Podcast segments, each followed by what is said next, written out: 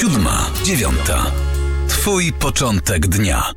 20 minut zostało do godziny 8. Porozmawiamy teraz mm, o Turcji. Gościem poranka 7.9 mm, jest pan Karol Wasilewski, autor książki Turecki sen o Europie. Dzień dobry. Dzień dobry. Turcji sytuacja gospodarcza też jest trudna. No właśnie, rozmawialiśmy kilka minut temu w poranku 7-9 na temat sankcji, na temat tego, jak to wszystko wpływa na sytuację gospodarczą na Zachodzie, w Europie. To jak to wygląda w Turcji, która i tak miała spore problemy chociażby z inflacją. No tak, rzeczywiście pogorszyło i chciałbym powiedzieć pełzającą już katastrofę, ale e, tak naprawdę trudno tutaj mówić o pełzaniu, bo Turcja, i to jest taka kluczowa sprawa, w zasadzie od 2018 roku znajduje się w takim y, mocno przeciągniętym kryzysie gospodarczym. W zasadzie w takim kryzysie gospodarczym, w trakcie którego już przynajmniej kilkukrotnie y, można było zadać pytanie, jakim cudem się to wszystko jeszcze y, klei. E, I takie pytanie, e, proszę mi wierzyć, zadają sobie dzisiaj e, Turcy, którzy doświadczają no, gwałtownego spadku własnych zdolności nabywczych i, i po prostu pogorszenia sytuacji gospodarczej. Więc te wydarzenia, wojna w Ukrainie, tylko się do tego przyczyniły i, i pogłębiły problem jeszcze bardziej. A jak Turcja jako państwo odnosi się do tego konfliktu, do tej wojny, do tej agresji rosyjskiej? Jaki jest jej stosunek do Rosji, do Ukrainy? E, Turcja przede wszystkim od samego początku, e, no właśnie, powiedzmy konfliktu, a nie samego, nie samej wojny, czyli nie chodzi jeszcze o ten etap, znaczy chodzi jeszcze o ten etap przed inwazją. Od samego początku mówi, że jakikolwiek konflikt między Ukrainą a Rosją byłby jej bardzo E, nie na rękę. E, z prostej przyczyny, ponieważ w ostatnich latach Turcja zbudowała i silne stosunki e, z Rosją i z Ukrainą. Z Rosją starała się to robić w ciągu ostatnich dwóch dekad, więc tutaj jest też kolejna kwestia, która utrudnia Turcji E, która utrudnia Turcji takie jednoznaczne opowiedzenie się przeciwko Rosji, e, chociaż to jest lekka przesada i za chwilę to wytłumaczę. Natomiast z Ukrainą te stosunki zaczęły być budowane bardzo intensywnie, zwłaszcza od 2019 roku. Teraz wytłumaczę, dlaczego powiedziałem, że to jest lekka przesada, ponieważ Turcja jakkolwiek bardzo wielu y, analityków czy ekspertów nazywa to, co Turcja robi wobec Ukrainy i Rosji polityką balansowania, tak trzeba powiedzieć, że jest to balansowanie z takim zabarwieniem proukraińskim. To znaczy bardzo wyraźnie Turcja opowiedziała się po stronie Ukrainy retorycznie, e, nazywa to, co dzieje się na Ukrainie wojną. Na tej podstawie zdecydowała się zamknąć cieśniny tureckie, e, dostarcza Ukrainie broń, natomiast stara się to wszystko robić w taki sposób, żeby możliwie jak najmniej antagonizować Rosję. Stąd mamy nawoływania Turcji do tego, żeby obie strony powróciły do rozmów, e, stąd mamy co chwilę propozycje pośrednictwa w rozmowach, e, propozycje jeszcze przed tym, zanim dotarły e, do nas obrazki z Buczy, e, propozycje zorganizowania spotkania między prezydentami Zełańskim i Putinem w Stambule. Stąd mamy odtrambiane też przez Turków sukcesy rzekome tych negocjacji. No i teraz Turcy mają też oczywisty problem w związku z tym, bo sukcesów tych negocjacji no niestety nie widać.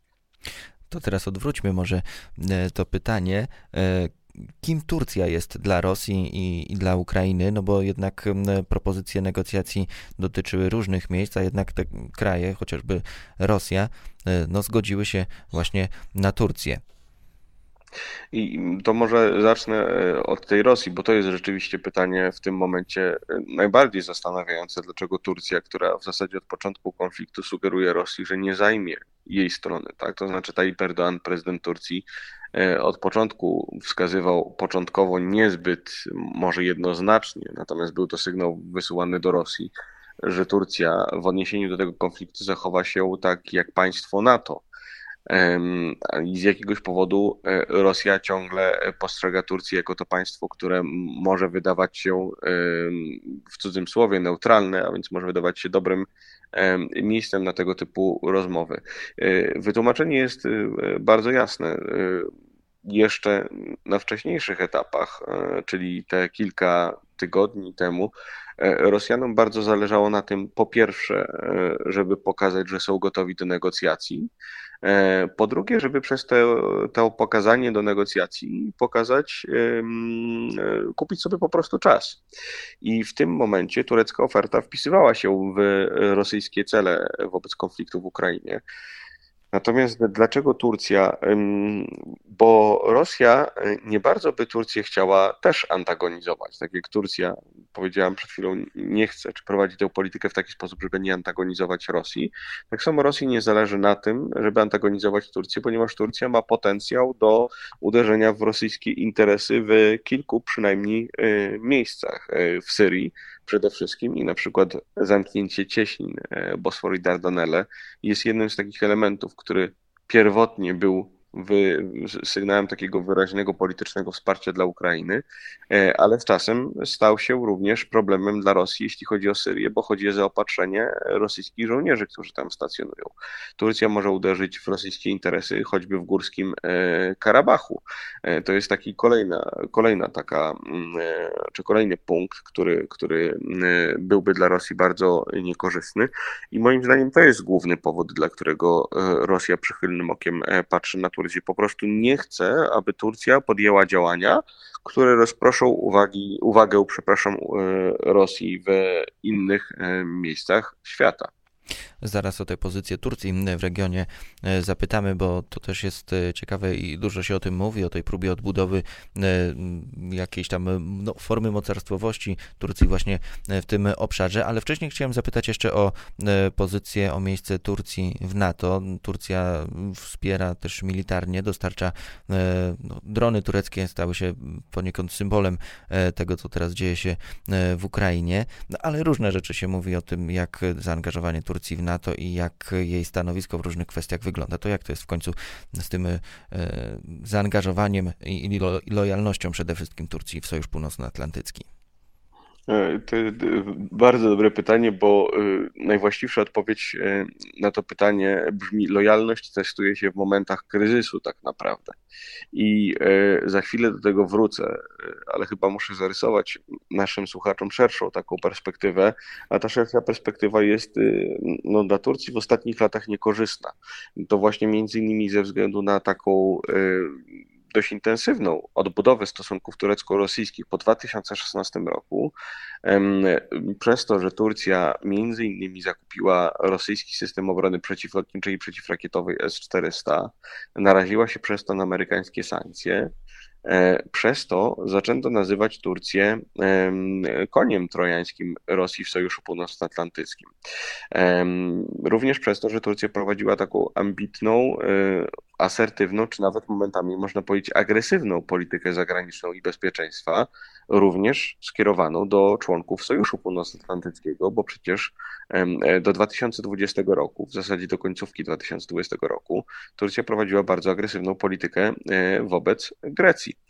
E, I e, przez to zaczęto powątpiewać w, w ogóle przydatność Turcji dla Sojuszu Północnoatlantyckiego, coś co raptem dekadę temu byłoby nie do pomyślenia, bo każda dyskusja ekspercka, która, czy której celem było powątpiewanie przydatności Turcji dla e, Sojuszu Północnoatlantyckiego, bardzo szybko zostałaby ucięta jako bzdura. W ostatnich latach tak naprawdę tego typu dyskusje zostały znormalizowane. No i właśnie mamy teraz moment kryzysu. Mamy moment kryzysu i Turcja zachowuje się w trakcie tego kryzysu, jak na członka NATO e, przystało, przynajmniej pod tym kątem militarnym, to znaczy staje po stronie Ukrainy, jasno e, mówi, że jest to wojna, potępia rosyjską inwazję, e, wysyła, tak jak pan powiedział, Ukrainie broń, która staje się no, symbolem tak naprawdę tej wojny, chociaż to, co się stanie symbolem tej wojny, to podejrzewam, no, zadecyduje się dopiero w następnych e, dniach. E, ale rzeczywiście te tureckie drony Bayraktar e, stały się takim mocnym akcentem, może w ten sposób to powiedzmy, który, który jest również przez Ukraińców intensywnie wykorzystywany w propagandzie ku powiedziałbym w tym wypadku małe uciesze Turków, ponieważ Turcy nie bardzo chcieliby, żeby te obrazki docierały do Rosjan. Natomiast jest oczywiście to pytanie o orientację strategiczną Turcji nadal zasadne e, i tutaj mamy po pierwsze bardzo wyraźny, e, wyraźną kwestię z dystansowaniem się Turcji od sankcji. Sankcji zachodnich. Turcja nie dołączyła do nich, tak samo jak nie dołączyła do nich po inwazji Rosji, przepraszam, po aneksji Krymu przez Rosję.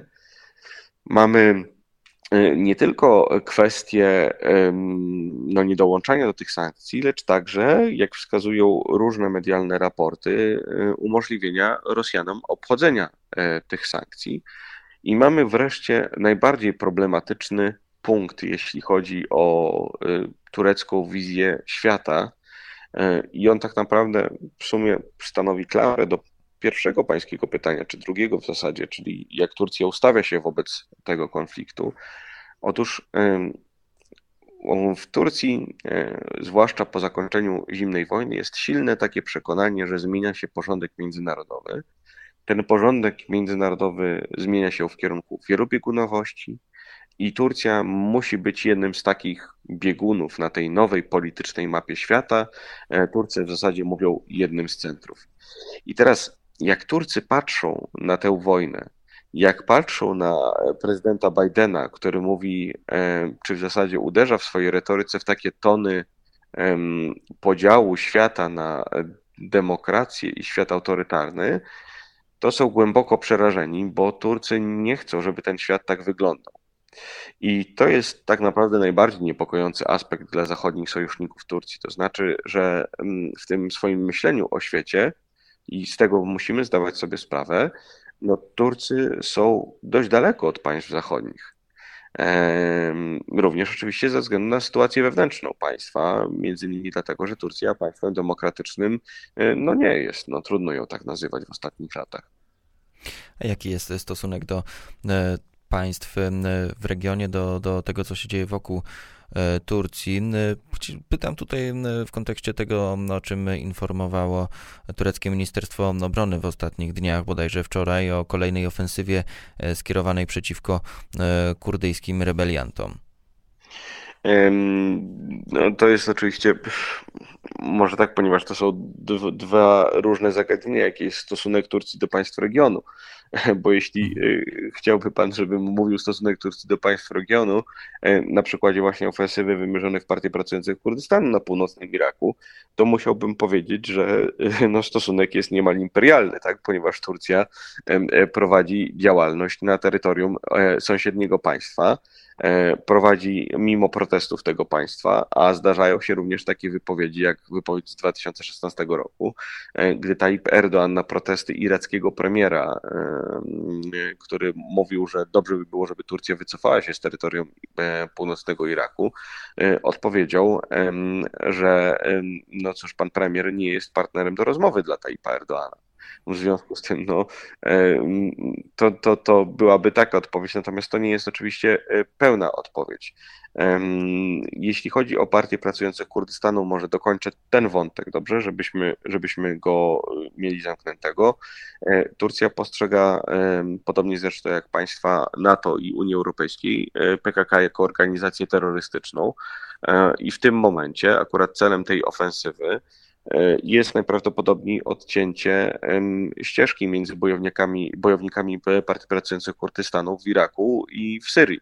Jest to też taki element szerszej e, w zasadzie strategii od 2016 roku e, przez Turków E, realizowanej strategii ciągłej presji militarnej na partię pracujących Kurdystanu i zwalczania e, tego zagrożenia u źródeł, czyli no właśnie poza granicami Turcji.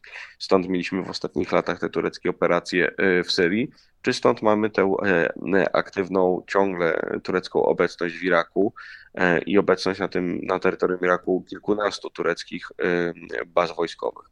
Natomiast jeśli chodzi szerzej o politykę regionalną, to tutaj już nie będziemy mogli użyć takiego określenia imperialna. To znaczy te marzenia tureckie o tym, żeby przemodelować region według własnych wyobrażeń, e, tego, co nazywało się po, czy w zasadzie w trakcie, na pierwszym tym hura optymistycznym etapie arabskiej wiosny, tureckim modelem czyli to umiejętne połączenie islamu i demokracji, które miało stanowić wzór dla porewolucyjnych rządów, e, no to e, niespecjalnie przyniosło oczekiwany przez Turków skutek.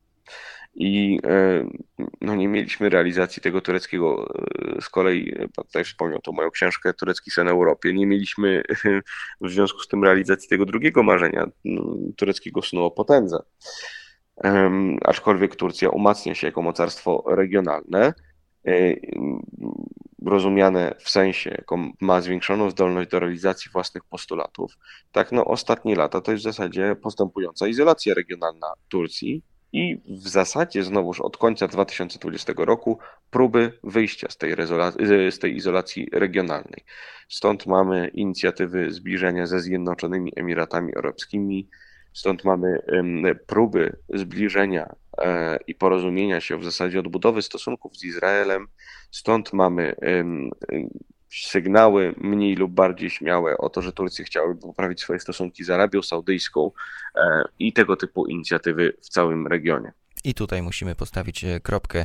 Sytuację na koniec naszej rozmowy Turcji e, w regionie zarysował nam gość poranka 7.9, z którym rozmawialiśmy na temat e, stosunków tego kraju z Rosją, z Ukrainą i stanowiska wobec tego, co dzieje się za naszą wschodnią granicą. Gościem poranka był pan Karol Wasilewski, agencja analityczna Neoświata, autor książki Turecki sen Europie. Bardzo dziękujemy. Dziękuję również.